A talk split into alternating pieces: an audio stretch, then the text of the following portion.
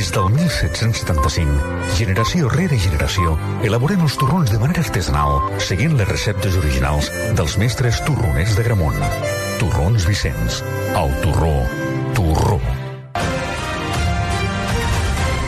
Són les 3, actualitzem els titulars. La derogació de la sedició plana el camí als pressupostos de la Generalitat. Esquerra es mostra més flexible a parlar dels comptes amb els socialistes. Ho ha dit Oriol Junqueras aquest matí al Via Lliure de RACU. Salvador Illa del PSC li demana, però, que deixi de banda les lliçons morals. Veurem com acaba la tramitació de la reforma del Codi Penal i veurem si en una possible negociació pressupostària hi ha possibles acords. Però això, insisteixo, depèn de l'actitud del PSC. Fins ara el PSC ha tingut una actitud d'aplaudir la repressió. El PSC no ha posat mai a ningú a la presó. Els que hi han entrat ha sigut pel que van fer. I el PSC ha contribuït a que alguns avui ja no siguin a la presó. Que quedi cabaret. Illa recorda que el PSC fa setmanes que espera poder parlar dels comptes amb el govern. I de visita a Catalunya, l'alcalde de Madrid, José Luis Martínez Almeida, ha assegurat que la reforma del Codi Penal és un insult a la intel·ligència. En un acte a Badalona ha defensat que equiparar l'1 d'octubre amb un simple desordre públic, ha dit, no té ni cap ni peus. Es decirle que no hicieron nada grave, dos, que lo podrán volver a hacer cuando ellos quieran, porque no va a haber consecuencias. Decir que lo que sucedió en Cataluña fue un desorden público es insultar la inteligencia de los catalanes. Eso no fue un botellón que acabó en un enfrentamiento con la policía. Eso no fue una despedida de soltero que se les fue de las manos y entonces empezaron a quemar contenedores por las calles. Almeida assegura que la reforma del delicte de sedició és molt pitjor que els indults i ha acusat el PSOE de trinxerar de qualsevol manera les institucions. I un miler, un miler de manifestants s'han concentrat a l'interior de la cimera del clima que es fa a Egipte per protestar davant les decisions dels líders mundials. Això enmig de la repressió de les autoritats del país per frenar les protestes d'aquests dies. Mentrestant, a Barcelona, plataformes ecologistes i socials s'han manifestat en contra d'aquesta cimera COP27. Els activistes consideren que la trobada no servirà per frenar l'emergència climàtica i reivindiquen que qui ha de liderar la crisi són els moviments ecologistes i socials. I aquesta tarda arrenca la Copa del Rei de Futbol amb set equips catalans a la primera ronda. L'Espanyol debuta a les 9 de la nit a la Rosaleda contra el Rincón de la divisió d'honor andalusa i abans jugaran l'Olot a les 5 a casa contra el Llevant i el Nàstic de Tarragona a les 6 a Logroñó contra el Racing Rioja. Demà serà el torn del Girona, Lleida, el Manresa i el Mollerussa de primera catalana que rebrà el Rayo Vallecano i el Barça no s'incorporarà a la competició fins a la tercera ronda, els setzents de final que jugaran al mes de gener. En tot cas, el club blaugrana ja treballa en el retorn a la competició un cop acabi el Mundial de Qatar, que arrenca d'aquí a 8 dies, i és en converses amb l'Arsenal, líder de la Premier, per jugar un amistós el 17 de desembre a Londres. Al marge del futbol, la selecció espanyola femenina d'hoquei patins amb majoria de jugadores catalanes pot aixecar aquesta nit el seu vuitè Mundial si derrota l'anfitriona argentina en la seva quarta final consecutiva i mentrestant a casa nostra el Barça d'handbol, líder de la Lliga Sobal, rep a les 6 el Cuego Guadalajara. I acabem amb el temps perquè Martí Oliveres aquesta tarda encara hem de tenir un ull posat a les Terres de l'Ebre. Sí, degut a aquesta pluja continuada insistent abundant, sobretot a l'interior de les Terres de l'Ebre, al voltant del massís dels Ports, on hi ha caigut molta aigua, més de 250 litres per metre quadrat des d'ahir al vespre quan va començar a ploure, i això, evidentment, està fent créixer molt els barrancs, les rieres de la zona. Així doncs, molta precaució aquesta tarda perquè encara poden repetir-se alguns aiguats puntualment intensos a l'interior, sobretot de les Terres de l'Ebre, tot i que de mica en mica la situació s'anirà arreglant amb més sol que no pas núvols a la resta del país, on no es nota aquest canvi de temps. I demà parlarem d'un diumenge tranquil, ja sense pluja a cap punt del territori, això sí, amb més núvols a les comarques gironines i un descens de la temperatura. Les 3 i 3 tanquem el racó migdia que hem fet la redacció d'informatius i d'esports amb el Marc Selva, el control tècnic. A partir d'ara continuarem pendents de l'actualitat als avanços informatius. A les 5 al Superesports amb el Xavi Puig amb la Copa del Rei, els partits de l'Olot a les 5 el Nàstic a les 6 i l'Espanyol a les 9 i a les 11 el Tu diràs amb el Marc Mundet fins a la 1 de la matinada. Nosaltres hi tornem demà a les 2. Ara us deixem amb el viatge bé. Bona tarda. RAC RAC 1. Aquest cap de setmana, Superesports de Copa RAC 1 amb Xavi Puig. Set partits d'equips catalans a la primera eliminatòria de la Copa del Rei de Futbol.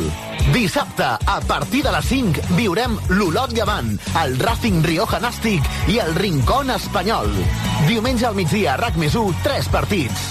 Quintanar del Rei Girona, Mollerussa Rayo Vallecano i Manresa Pontevedra. I a la tarda a RAC1, Lleida Esportiu a l'Avés. A més, l'Ultrasports, la consultoria externa i el Gran Premi del Brasil de Fórmula 1. El compte enrere pel Mundial de Qatar i per rematar-ho, tu diràs fins a la una de la matinada. El Girona i l'Espanyol Juga a rac són una gentilesa de CaixaBank, Estrella d'Am i Xarxa Fort de Catalunya. RAC1. Tots som 1. Teniu la maleta a punt, oi? Perquè ara mateix sortim de viatjar. A RAC1, viatge bé, amb Esther Muñoz.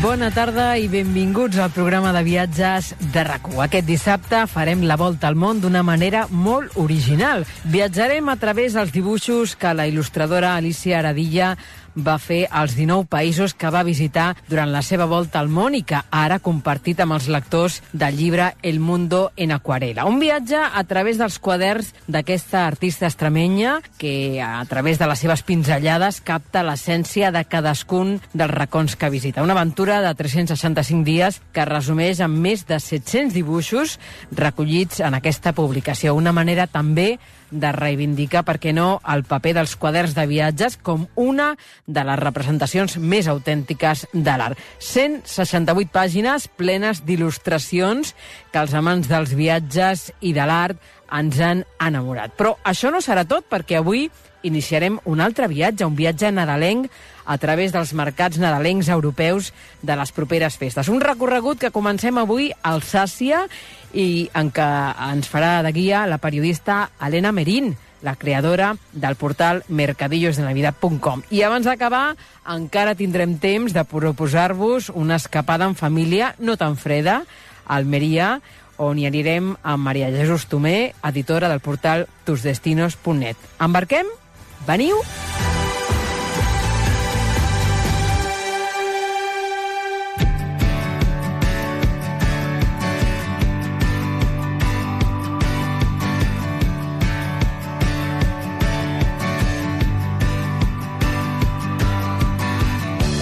Al maig de 2017, la il·lustradora Alicia Aradilla i el seu company, el periodista Sergio Alonso, van començar la seva volta al món. Els esperava un any sencer viatjant per 19 països diferents, un viatge que els va portar fins a la Xina, el Japó, Malaísia, Tailàndia o Jordània, entre d'altres, i que tenia una peculiaritat. Seria dibuixat per l'Alicia i explicat pel Sergio en un llibre que ja ha vist la llum i que va per la segona edició. Es titula El mundo en una aquarela, l'han editat ells mateixos i és una veritable obra d'art que ara mateix descobrirem de la mà de la seva coautora. Alicia, bona tarda, buenas tardes. Buenas tardes, Beth, ¿qué tal?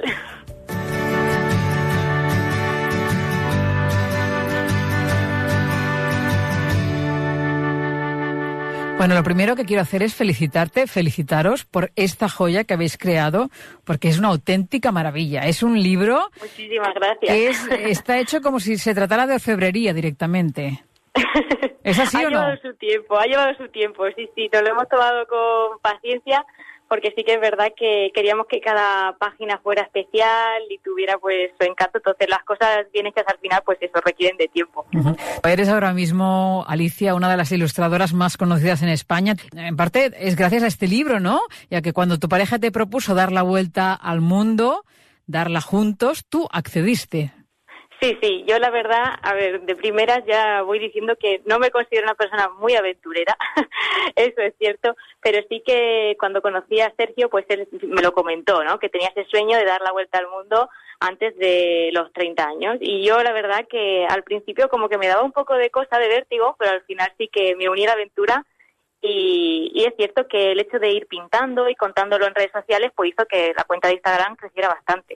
La verdad es que fuiste muy valiente porque tú has estudiado Bellas Artes, diseño gráfico, tenías, tienes, ahora tienes un buen trabajo, pero en ese momento tenías un buen trabajo estable cuando decidiste emprender este viaje, ¿no?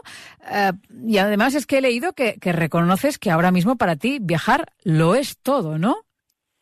Sí, la verdad, bueno, a mí ya, ahora ya me apasiona y de hecho viajar pintando, ¿no? Porque ya no me separo tampoco del cuaderno y es una cosa que, que me encanta hacer y que te enriquece muchísimo. Yo creo que, que aprendes mucho viajando.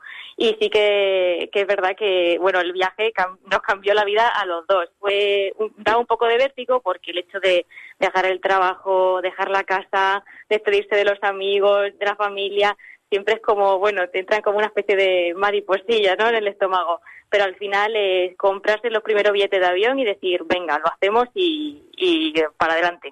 ¿Y habías dibujado ya en anteriores viajes o, esta ha sido la primera vez que has eh, pintado lo que veías y lo que vivías con acuarela en ese momento?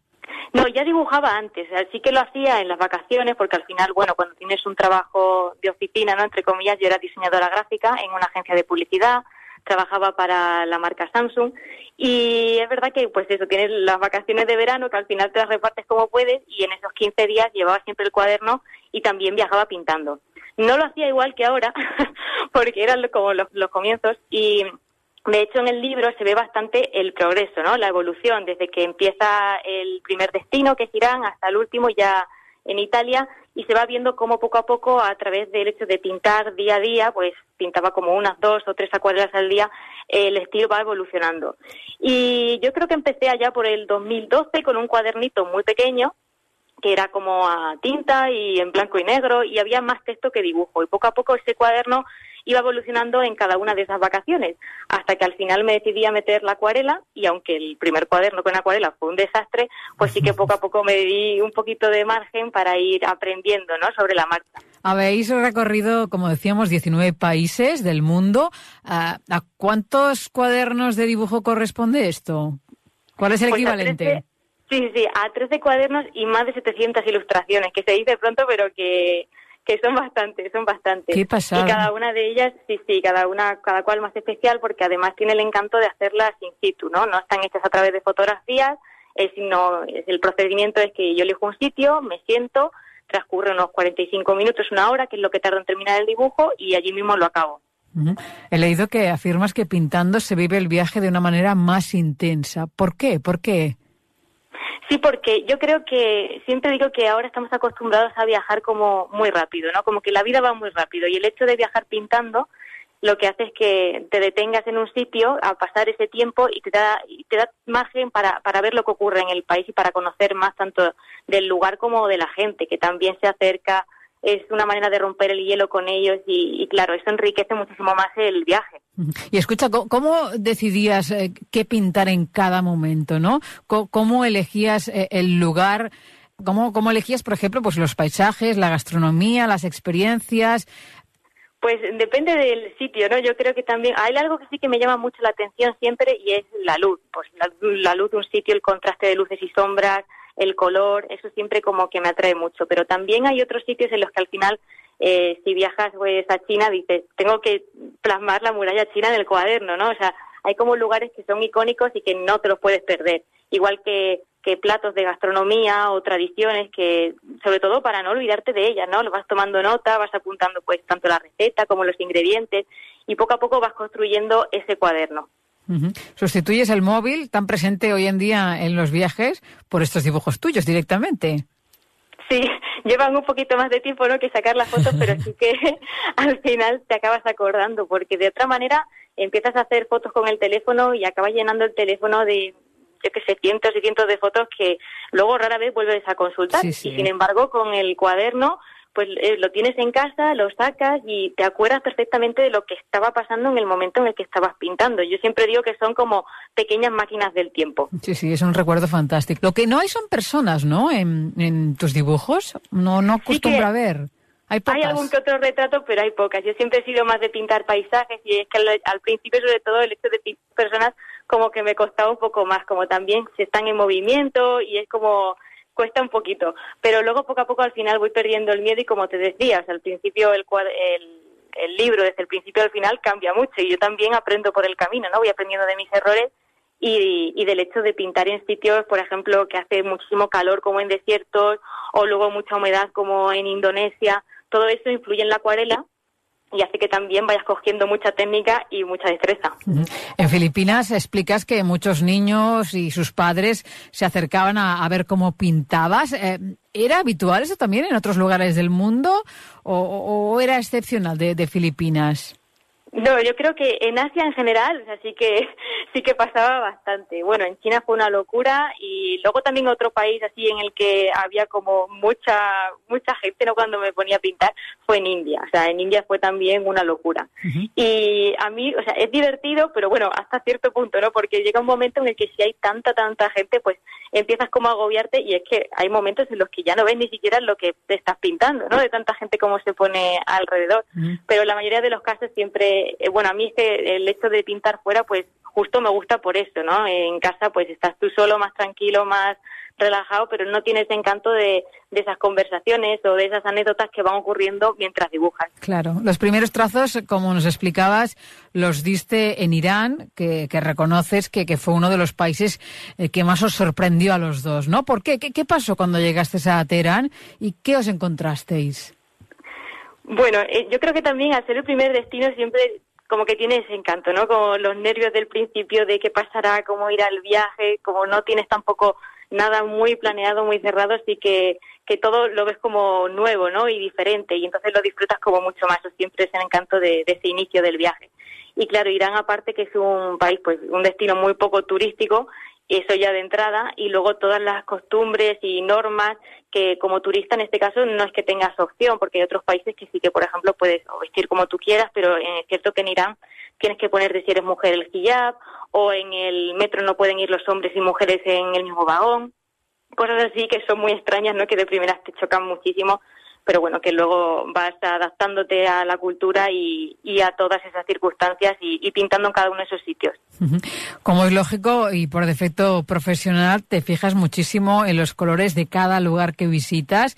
Dices, por ejemplo, que Kashan en Irán es una paleta de tonos tierra, ¿no? ¿Hay algún otro país que te haya llamado la atención por su colorido, por ese colorido que des desprende? Indonesia, desde luego que verde es seguro. Ahí yo creo que gasté la pastilla de verde de, la acuarela en Indonesia, porque con esos campos de arroz, de Bali, eran impresionantes. Y yo te digo que para mí el paisaje es como de, de las cosas que más me encanta dibujar y en Indonesia me lo pasé bomba. Y luego en India, sin embargo, que es como más seco, más árido, había como mucho polvo en el ambiente y todo eso al final le da a, a lo que ves un carácter como muy cálido, muy también muy muy amarillo, ¿no? Como muy dorado. Y ahí también se nota mucho en, en los dibujos. De hecho, bueno, yo creo que según también el clima de cada país también se va se va percibiendo en cada en cada capítulo no hay capítulos que son muy grises y yo creo que porque por ejemplo en Vietnam ¿Sí? llovió muchísimo y todos los cielos son grises. Y luego pasas a lo mejor a Indonesia que todos los cielos son azules y vas viendo también cómo va influyendo esto en cada uno de los dibujos. Y es muy divertido. Por tanto tuvisteis que hacer muchos cambios de colores en la paleta no durante el viaje Sí, la paleta más o menos es la misma, no tuvo mucha variación, pero sí que es verdad que a nivel de gama de colores, pues ves cómo predominan más unos que otros eh, según el destino. Entonces eso también le da cierto carácter. De hecho, en el libro, al principio de cada capítulo, eh, me ponemos los colores que más o menos eh, reflejan todo lo que se va a ver Sí, después, ¿no? es Porque, verdad. entonces, esas notas de color al final que dices, bueno, pues es el amarillo de, de las calles de India o ese verde de los arrozales. Y es muy curioso como a través de los colores también se puede contar mucho. En este libro, En el mundo en acuarela, cuadernos de viaje, arte, vida e historias de Alicia Aradilla y al Sergio Alonso, dices, por ejemplo, que viajar pintando significa viajar lento. ¿Eso es algo bueno, Alicia? Yo creo que sí. Yo creo que, como te decía antes, en la sociedad en la que vivimos ahora, echar el freno de vez en cuando está muy bien. Mm, Para nosotros y, para aprender también de lo que nos rodea. A ver, viajar no es coleccionar destinos ni, ni lugares turísticos, ¿no? No es como... Yo sí que he visto mucha gente que a lo mejor, pues eso, tenía hacía rutas y, y tenías que subir a lo mejor a un volcán, imagínate, ¿no? Eh, En Illén, ¿no? En Indonesia, y llegaban allí, sacaban la foto y bajaban. Y digo, pero la gente no disfruta del sitio, o sea, párate un segundo, respira, coge aire y, digo, y, y a- atiende a disfrutar de lo que estás viendo. Y eso es muy importante. Y yo creo que ahí el hecho de pintar ayuda muchísimo. El objetivo es la foto, sí, sí, tú lo has dicho claramente, ¿eh? Sí, sí, es como coleccionar puntos al final que dice, bueno, aquí he estado, aquí he estado, pero y lo que vives en el sitio. O sea, eso es más importante quizás que una foto que luego, bueno, es que las fotos puedes buscarlas en internet, ¿no? o sea, que al final es como muy impersonal. Y, y el hecho de, de, pararse y mirar, pues por ejemplo, desde el señor que pone todos los días el puestecito para vender frutas o cosas así que son cotidianas, que son con las que te quedas y las que realmente eh, ves cómo es realmente el país en esos pequeños detalles. Después de Irán cogisteis un tren, el transmongoliano, el que hace la ruta Rusia-China. ¿Dentro del tren también pintabas? Sí, pero malamente, porque al principio pensé que iba a ser como más sencillo, pero eh, se movía muchísimo, había tramos en los que aquello, no había manera de hacer una línea recta, o sea, era imposible. Pero aún así me lo pasé bastante bien, porque además eh, hubo momentos en el tren sí que es curioso porque van pasando viajeros, ¿no? Entonces a lo mejor yo estaba más tiempo en el mismo vagón, pasaban dos días, y eh, mi compañero de, de viaje, el que le toca en la siguiente litera, pues va cambiando y van siendo diferentes personas. Y en una de ellas fue un niño con su madre y ahí directamente el niño, claro, como me veía sacar los pinceles, le di una hoja del cuaderno, le di también colores y, se puso ya a pintar conmigo. Y aunque no entendíamos nada porque hablaba ruso y yo ruso no entiendo nada en absoluto, o sea, era imposible ahí comunicarse, pues pasamos un buen momento y gracias a la acuarela y a pintar.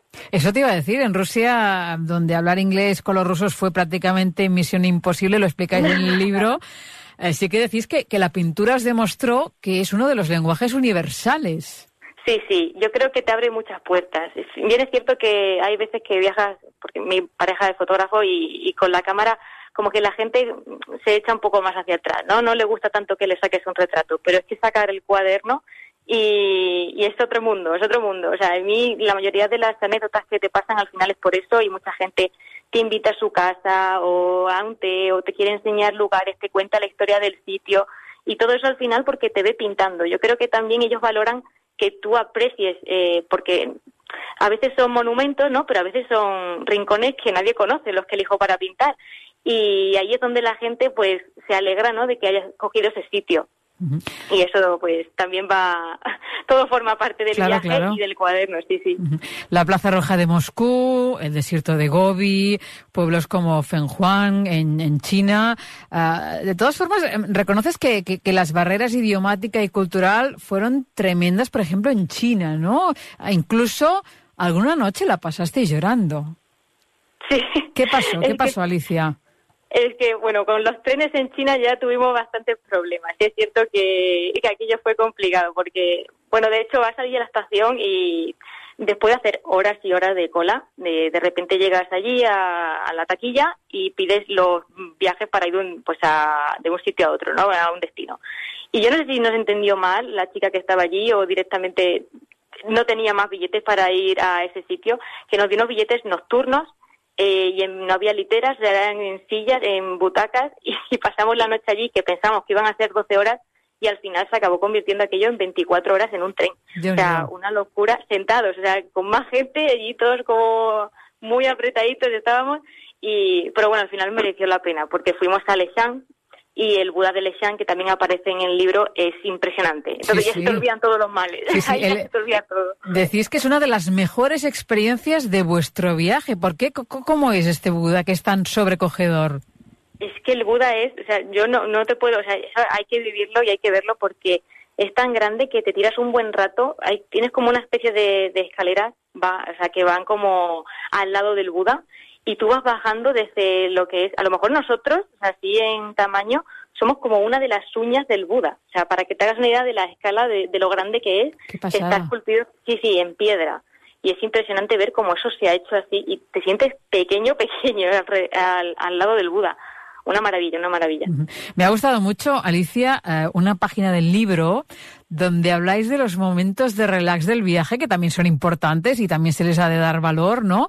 Eh, que además mm, va acompañado de una foto tuya dibujando y en el que reflexionáis sobre la importancia de hacer pausas entre etapas, ¿no? ¿Cómo os planificabais? ¿Cómo os organizabais?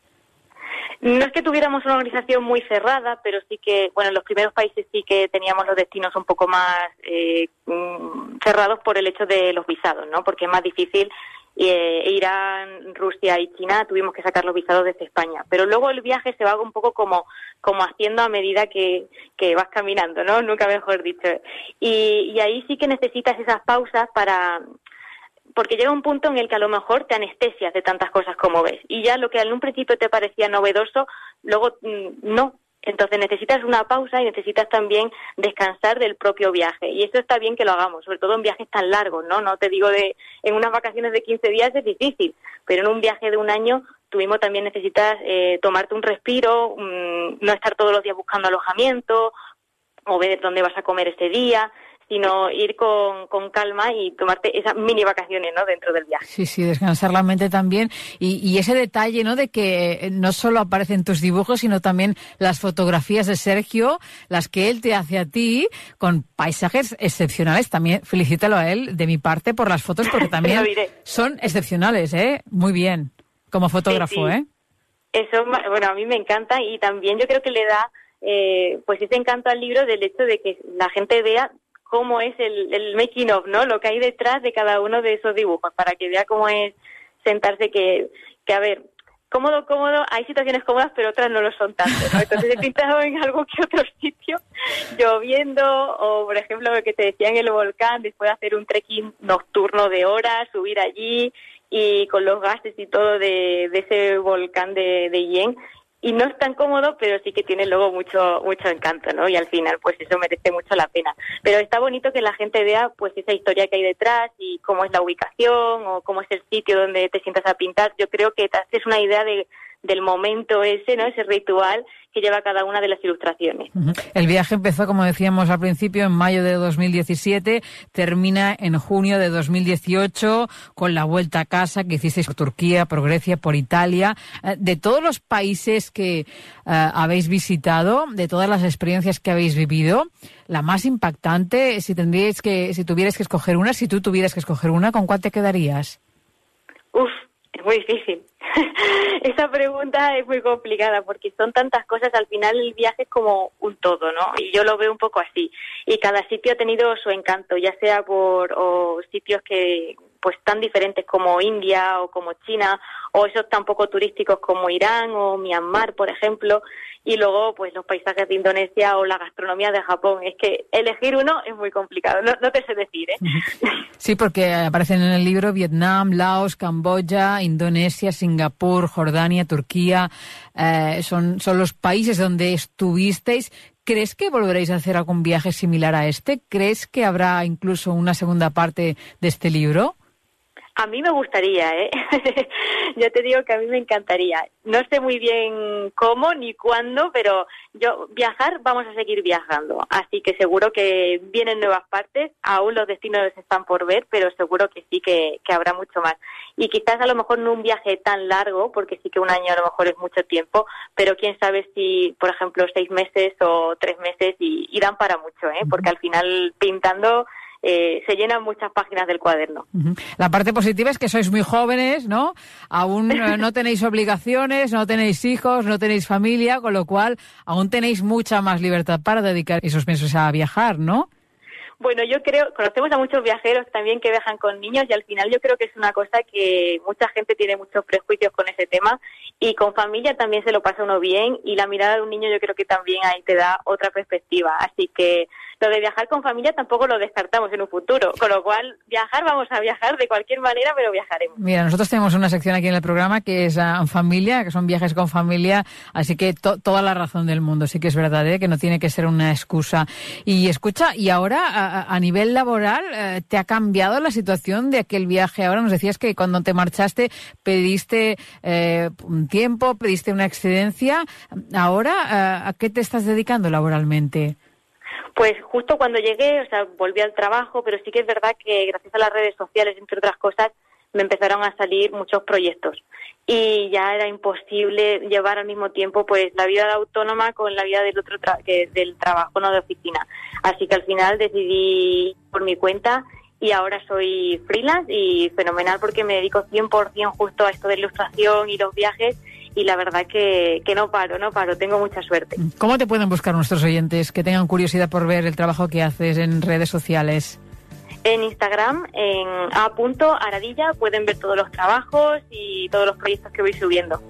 Alicia, enhorabuena por el mundo en acuarela, cuadernos de viajes, arte, vida e historias. Un abrazo muy, muy fuerte también a Sergio y os seguiremos de muy cerca. Un abrazo muy fuerte. Muchísimas gracias. Un abrazo. Adiós.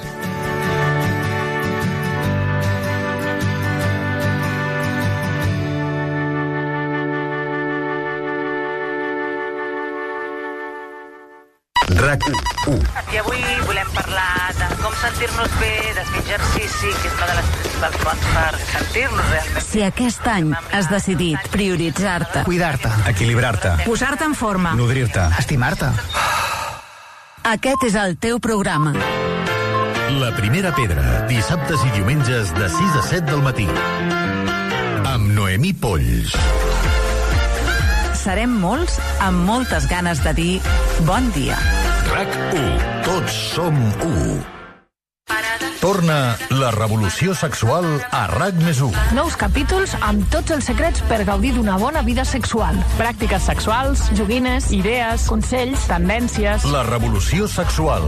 No et perdis tots els capítols del podcast de sexe a RAC més 1. Per tenir salut i bon sexe. Escolteu-lo a rac1.cat i a l'APP de RAC1. RAC més 1. Tots som Més 1. Amb el suport de sexydream.es. Passi el que passi, no us perdeu cap detall de RAC1 amb rac1.cat. Descarrega. Comparteix. El portal de notícies de RAC1. Escolta. Tot l'univers RAC1 al detall. RAC1.cat. I ara Vueling ens porta volant al Club Viatger. Descobrim quines són les últimes novetats sobre viatges.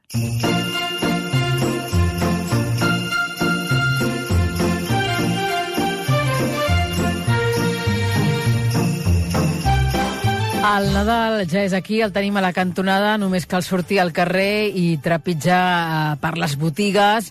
A tot arreu ja tenim arbres de Nadal, als supermercats tenim torrons, eh, tenim fins i tot les neules, tenim tota la decoració nadalenca, els regals, eh, tenim fins i tot, eh, vaig veure la setmana passada, tortells de Reis als supermercats, increïble.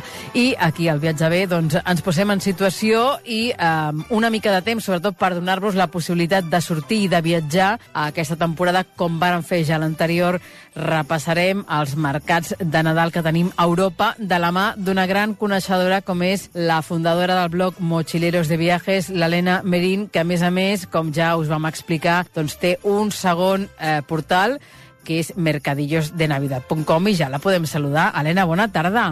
Bona tarda. Sí, sí, ja és una realitat, eh? El tema del Nadal, eh, sortim de la castanyada, sortim de Halloween i ja entrem directament al Nadal. Exactament, ja ho podeu veure també molt a xarxes socials on, on hi ha moltíssimes imatges ja de mercats de Nadal, perquè està molt de moda. Ara t'he de dir una cosa, als supermercats i a les botigues costa, no?, amb aquesta temperatura eh, veure eh, doncs, tot el que estan comercialitzant, però amb els viatges té més sentit, no?, perquè realment els mercats de Nadal europeus ja han començat i si volem planificar un viatge ja ho podem fer, això. Exactament, els mercats de Nadal europeus tenen unes dates sempre que són molt concretes. Duren al voltant d'un mes, depèn dels països, s'allarga, però coincideix amb l'Advent. Saps allò que a, a, comprem el calendari d'Advent? Doncs l'Advent és el mes abans del Nadal i és quan estan oberts els mercats de Nadal a Europa. Per tant, si volem agafar uns vols, si volem agafar uns bitllets de tren, si volem planificar una ruta en cotxe, ara seria el moment de fer-ho. Recordo que la temporada passada, Helena,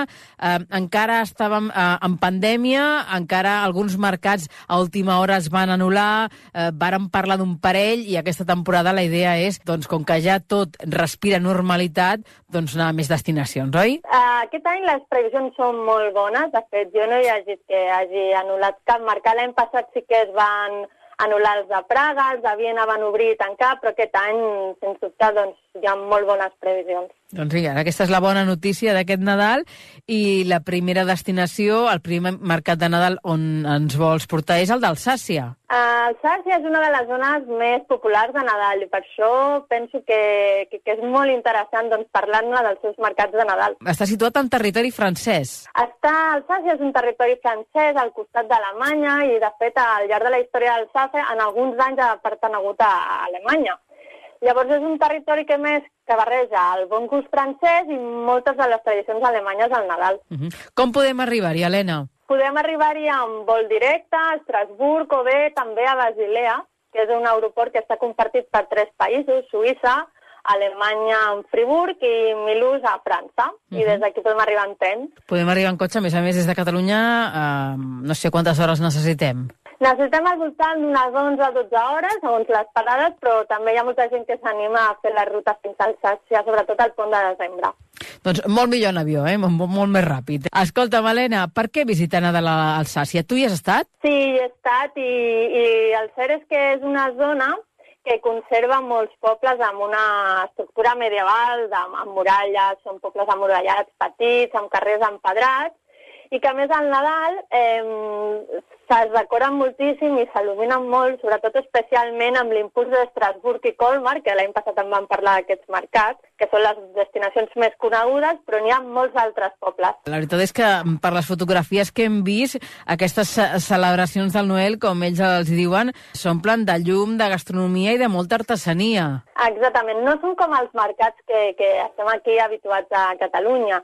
Allà, a zones com França, Alemanya, Àustria, etc., Eh, anar als mercats de Nadal suposa, doncs, no sé, quedar amb els amics després de la feina i prendre's allà un vi calent, uns dolços o anar en cap de setmana i gaudir doncs, d'aquest doncs, ambient de sortir al carrer abans que arribi el fred. I aprofitar doncs, per veure tota l'arquitectura que tenen. El Sas és una zona eh, on destaca moltíssim la seva arquitectura d'entramats, on trobarem grans cases, com hem vist en moltes pel·lis per exemple, Disney, amb, amb terrats a dues aigües i on es veu la fusta a les façanes, que solen ser també molt acolorides. Anem amb, amb dades bàsiques. Eh, a partir de quin dia podem visitar, Helena, els mercats de Nadal d'Alsàcia? En general, els mercats de Nadal d'Alsàcia obriran del 25 de novembre aproximadament al 30 de desembre. Cada ciutat, cada poble té el seu calendari. Però aquest mes és justament aquest mes abans del Nadal que comentàvem de l'Advent. I és, és quan els trobarem oberts. I obren de dilluns a diumenge i són gratuïts. Per tant, queda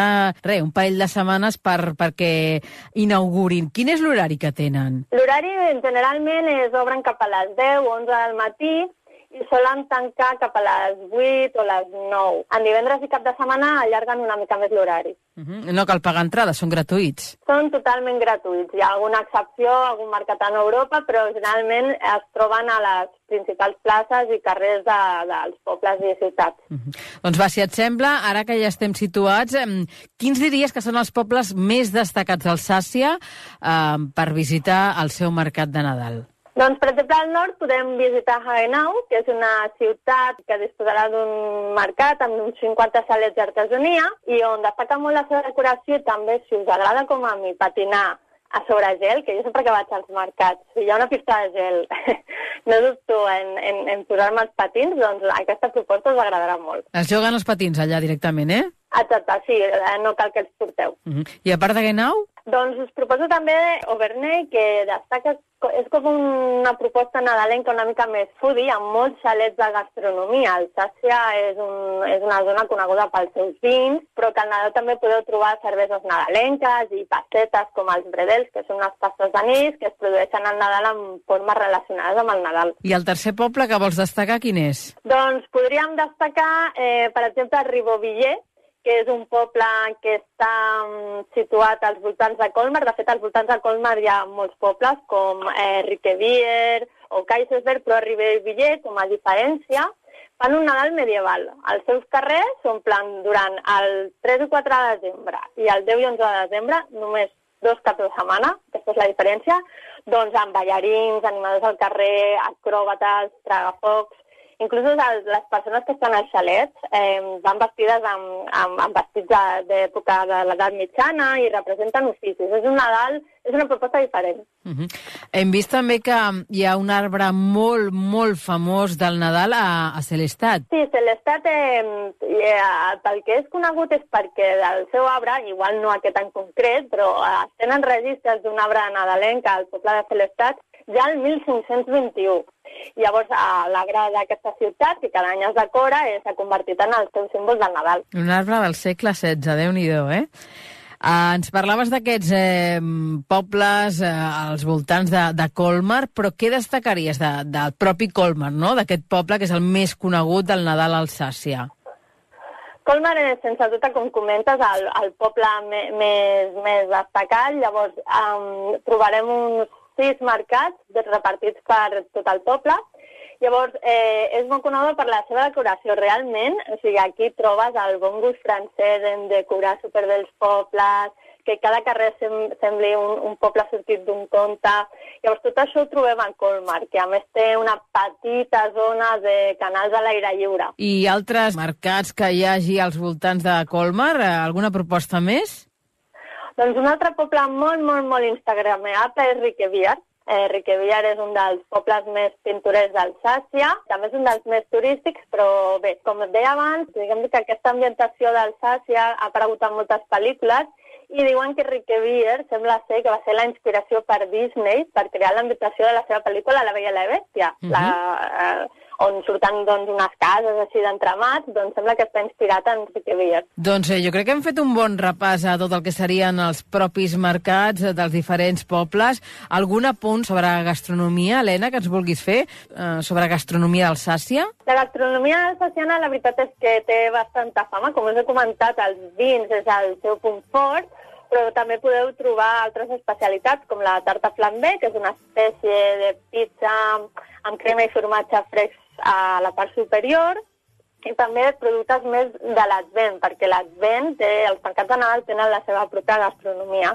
Llavors podeu veure doncs, cerveses nadalenques, o fins i tot eh, podeu, us, us recomano tastar el popular Manel, és un brioix en, un brioix en forma humana, o el pa d'espècies, que és molt, molt, molt típic d'Alsàcia. -huh. Hi ha alguna visita? Alguna visita, no sé, algun museu, ja que hi anem, alguna visita cultural? Doncs com a curiositat, al poble de Gerviller podeu visitar el Museu d'Open de Pises, del, el Museu del Pa d'Espècies, que és molt... Eh, la veritat és que és, és pintoresc perquè per a fora d'aquest museu doncs sembla la casa de Hansel i Gretel, el qual és verd però n'hi ha moltíssims colors, llaminadures, i ens fa la sensació quan hi entrem doncs, que això, que estem entrant en un, doncs també un altre cop en un conte. Uh -huh.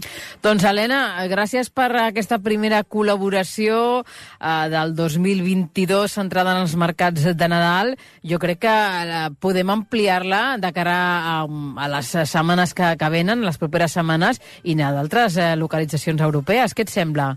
És una idea fantàstica perquè la veritat és que hi ha moltíssimes propostes que també van més enllà d'Alsàcia, que és la destinació més coneguda. Doncs va, vés preparant la llista, que ens retrobem en uns dies, d'acord? Perfecte. Una abraçada. Gràcies, Adeu. Helena. Adeu. Adeu.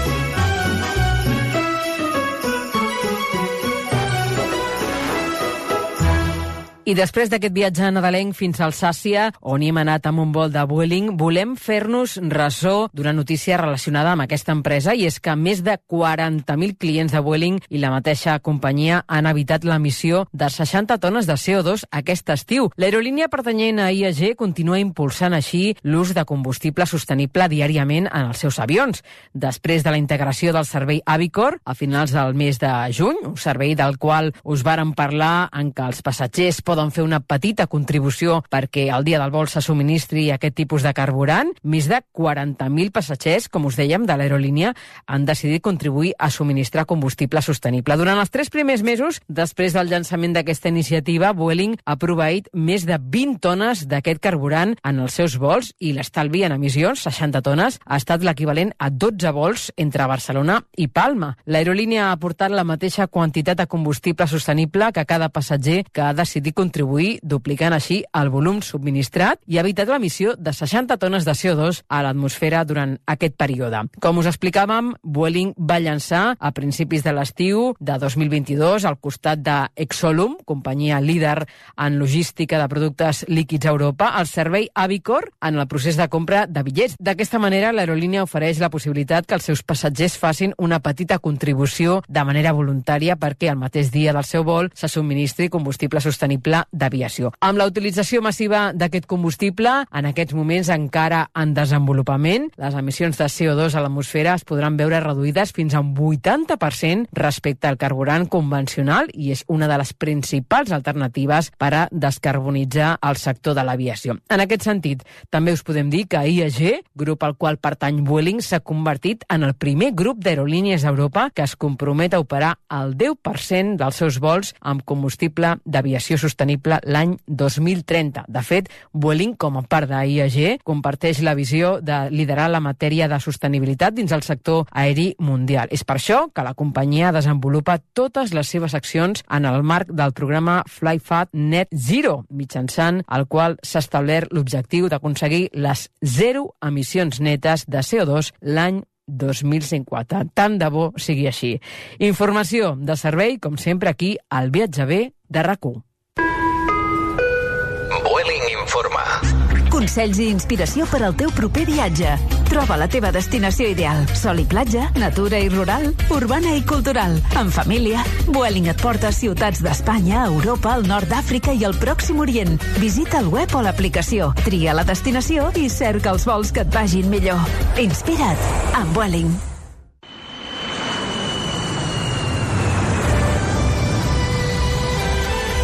A rac Viatge bé. Viviu l'experiència del viatge amb Esther Muñoz.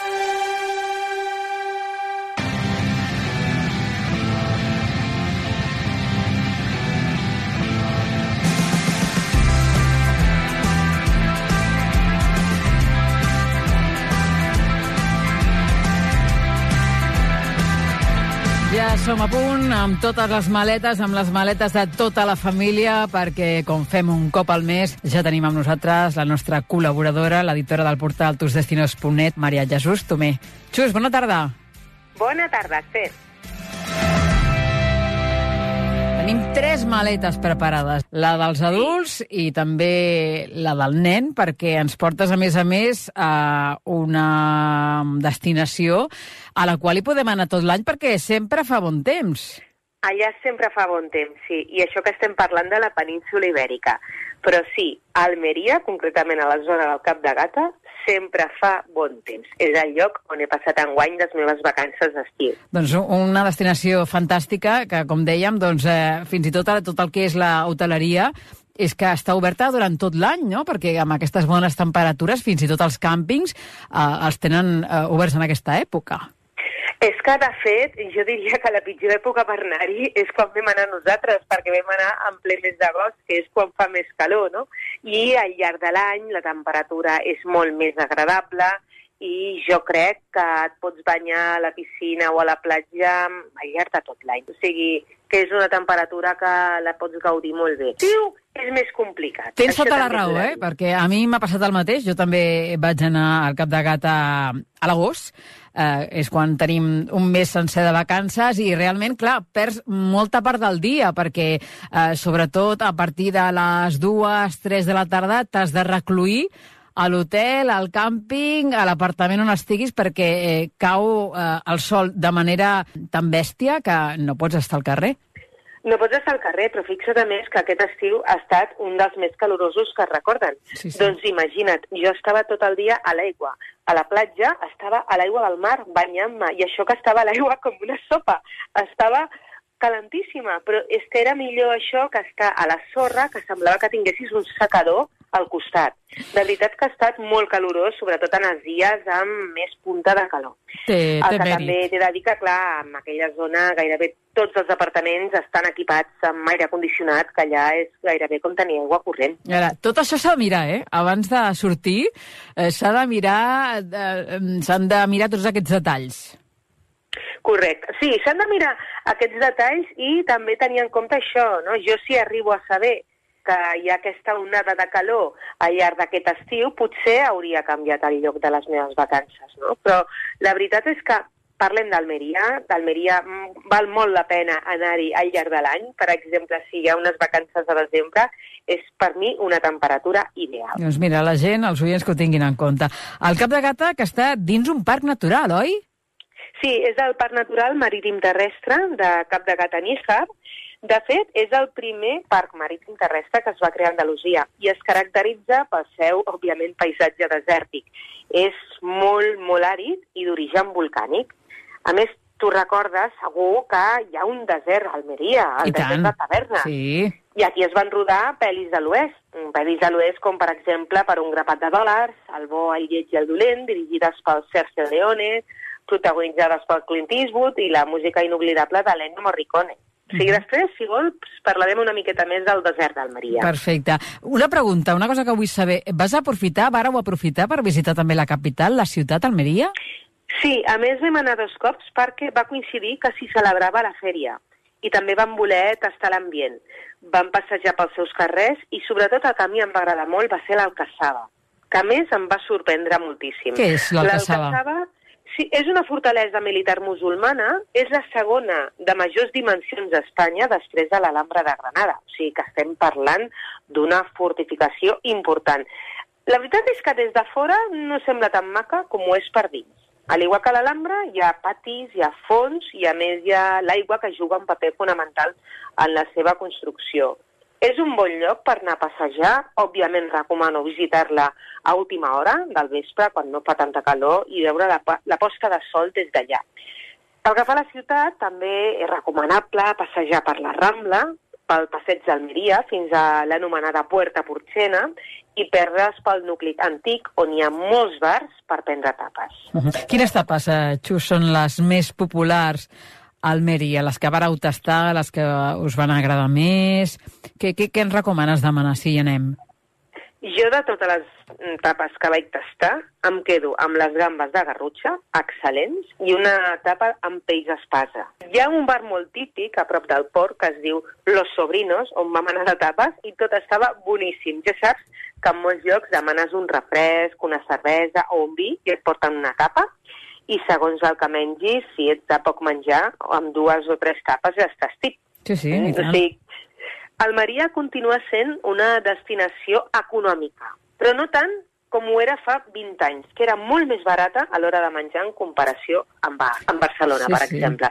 Jo t'ho dic perquè jo vaig estar fa 20 anys i he notat que també els preus allà han pujat. La diferència ja s'ha escurçat una mica. Sí, sí, eh, tot això de la inflació eh, ha inflat els preus arreu, no? Ja és un tema globalitzat. Totalment. Encara és més barat que a Catalunya, però bé, mm, els preus ja no hi ha tanta diferència com abans. Doncs va, ens hem anotat a aquest establiment, aquest bar típic, Los Sobrinos, eh, amb aquest nom no, no ens oblidarem, i sobretot Sí, tenir en compte no. això, no? que, que, que si et demanes una beguda i, i encara et donen les tapes, potser ja no cal demanar al menú. I, I amb el petit, amb el Joanet, què vareu fer, Almeria? Quin pla A veure, teníeu? El pla, el pla que teníem era descans, platja, excursions pel parc natural, conèixer diferents cales. En aquest cas ens vam quedar a un apartament, a una zona que es diu Ratamar, que també és una zona on hi ha molts hotels i la platja està genial. A més, aquest estiu jo crec que recordo que és l'estiu que més he estat dins l'aigua. El meu pare estava massa calenta perquè feia molt calor, però estava genial. Mm. -hmm. O sigui que la platja va ser la nostra salvació en aquest estiu. I pel que fa a platges, eh, eh, quines eh, consideres que serien les imprescindibles, les que sí o sí hauríem de visitar per banyar-nos, per descansar, per prendre el sol? On hauríem d'anar-hi? Mira, per exemple, hi ha la platja del Cap de Gata, hi ha una altra que es diu de la Fabriquilla. Uh, vam anar també a la Cala Raja, que és pot accessible, ja que has de fer una excursió fins a arribar a la cala. Però la meva preferida per anar amb els nens és Genoveses, perquè està molt recollida i és com les de la Costa Daurada, que has de caminar molt per no tocar fons. Després, tant la de Genoveses com la de Monsul, que és una altra també super recomanable, has de pagar un pàrquing de 5 euros per poder entrar amb el cotxe. Per això és molt recomanable anar ben d'hora per poder aprofitar bé la jornada de platja o la mitja jornada. També, per exemple, la de Monsul, aquesta també és especial. I una curiositat, tu Quina? recordes uh, Indiana Jones i l'última creuada, que Sean Connery feia de pare de Harrison Ford? Hi ha un moment de la pel·li que són a una platja i amb un paraigües espanta les gavines que es piquen al motor de l'avioneta que els està perseguint, l'avioneta dels nazis. sí. Doncs això es va rodar a la platja de Monsul, que és el moment que el Sean Connery diu de sobte vaig recordar el que va dir Carlemany, que els meus exèrcits siguin les roques, els arbres i els ocells del cel. Doncs en aquell moment que obre el paraigües, doncs eh, està rodat a la platja de Monsul. O sigui que és una platja més que ha sortit en pel·lícules de cinema. Uh -huh. ah, altres platges molt conegudes són eh, la platja de les Negres, eh, la platja dels Morts... Eh, aquestes també les vareu visitar? O ja No, són en tan conegudes que, que potser estan massa concorregudes? A veure, uh, nosaltres sí que és cert que vam visitar, ens vam quedar amb Monsul i amb Genoveses perquè el fet de que hagis de pagar 5 euros també et delimita molt, clar, hi ha un pàrquing, llavors només poden entrar una sèrie de cotxes. Val. També fa que no estiguin massa massificades. Molt bé, molt bé. Uh, clar, és una opció doncs, que, han, que han, bueno, una opció que han tret allà per poder allò, desmassificar aquestes platges. Uh, la resta, doncs també vam triar també l'opció de descansar. Per això vam, vam estar uns dies a la platja de Retamar per poder estirar-nos i fer platja, apartament, platja, apartament. Clar, nosaltres som unes persones que viatgem molt al llarg de l'any i quan estem de vacances, la veritat és que el que preferim és fer poques coses, poques excursions. Tot i això, en vam fer. Mm? No ens podem queixar. Clar, clar, buscàveu la, la màxima tranquil·litat, desconnexió i la mínima massificació que, mm, malauradament, doncs, a Almeria n'hi ha, sobretot a zones... Jo recordo la primera vegada que hi vaig anar, el primer cop que hi vaig anar, eh, em varen portar a Mojácar, em portaven a Mojácar, era on anàvem, i va ser arribar, just amb el cotxe, arribar-hi i fer volta, perquè mm, estava tan massificat, tan ple de gent, que vam dir, aquí no ens quedem, aquí no ens quedem. Clar. No. Mojácar ja és uh, una miqueta més al nord, al Cap de Gata, però sí que és cert que són localitats que, sobretot si vas al juliol i l'agost, és molt probable que et trobis que estan massificades. Per això jo sóc una gran defensora de la desestacionalització uh, en, en el moment que es pugui, no? perquè els que tenim nens no podem triar les vacances quan volem perquè els nens han d'anar a l'escola i ens estem obligats a fer juny, juliol i agost, no? Però eh, és per la gent que pot fer una escapada i que s'ho pot permetre, la desestacionalització és genial, a banda de que els preus són molt més econòmics. Uh -huh.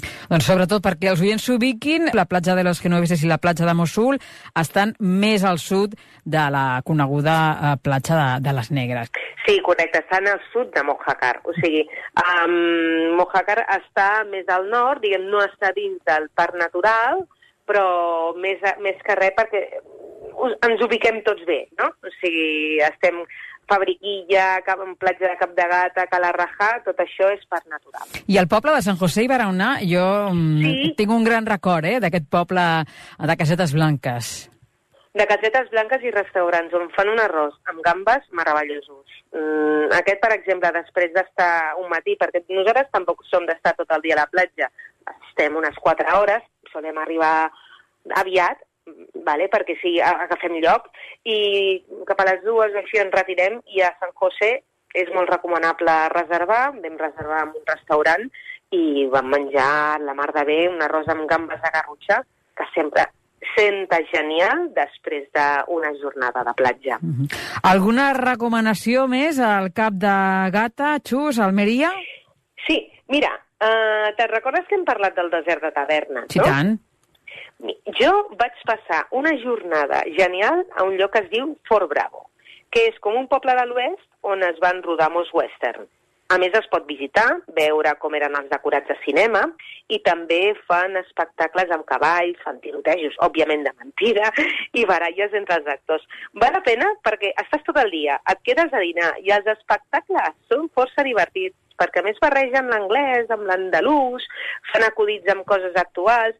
Hi ha molta gent estrangera que aquests no s'enteren de res, però nosaltres sí, i a mi personalment em van fer riure.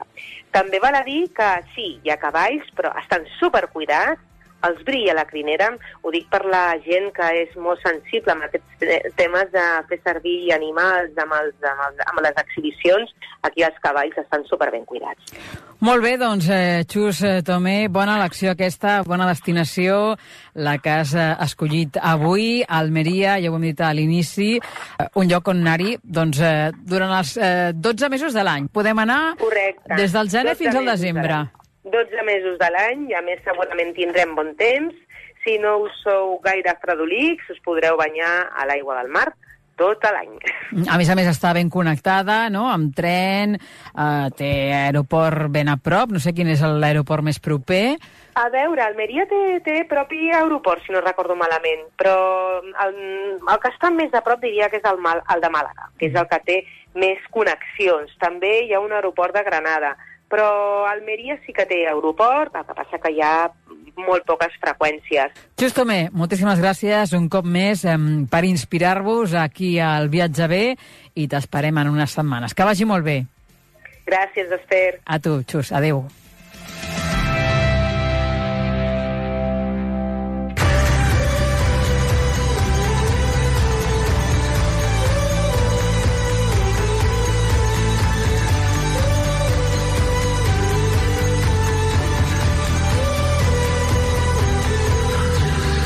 Fins aquí les nostres escapades d'aquest dissabte al Viatge B. Salutacions meves i de l'Enric Soto a la realització tècnica que acabeu de passar un molt bon cap de setmana i recordeu que ens retrobem, si voleu, el proper dissabte 19 de novembre a les 3 i 3 de la tarda.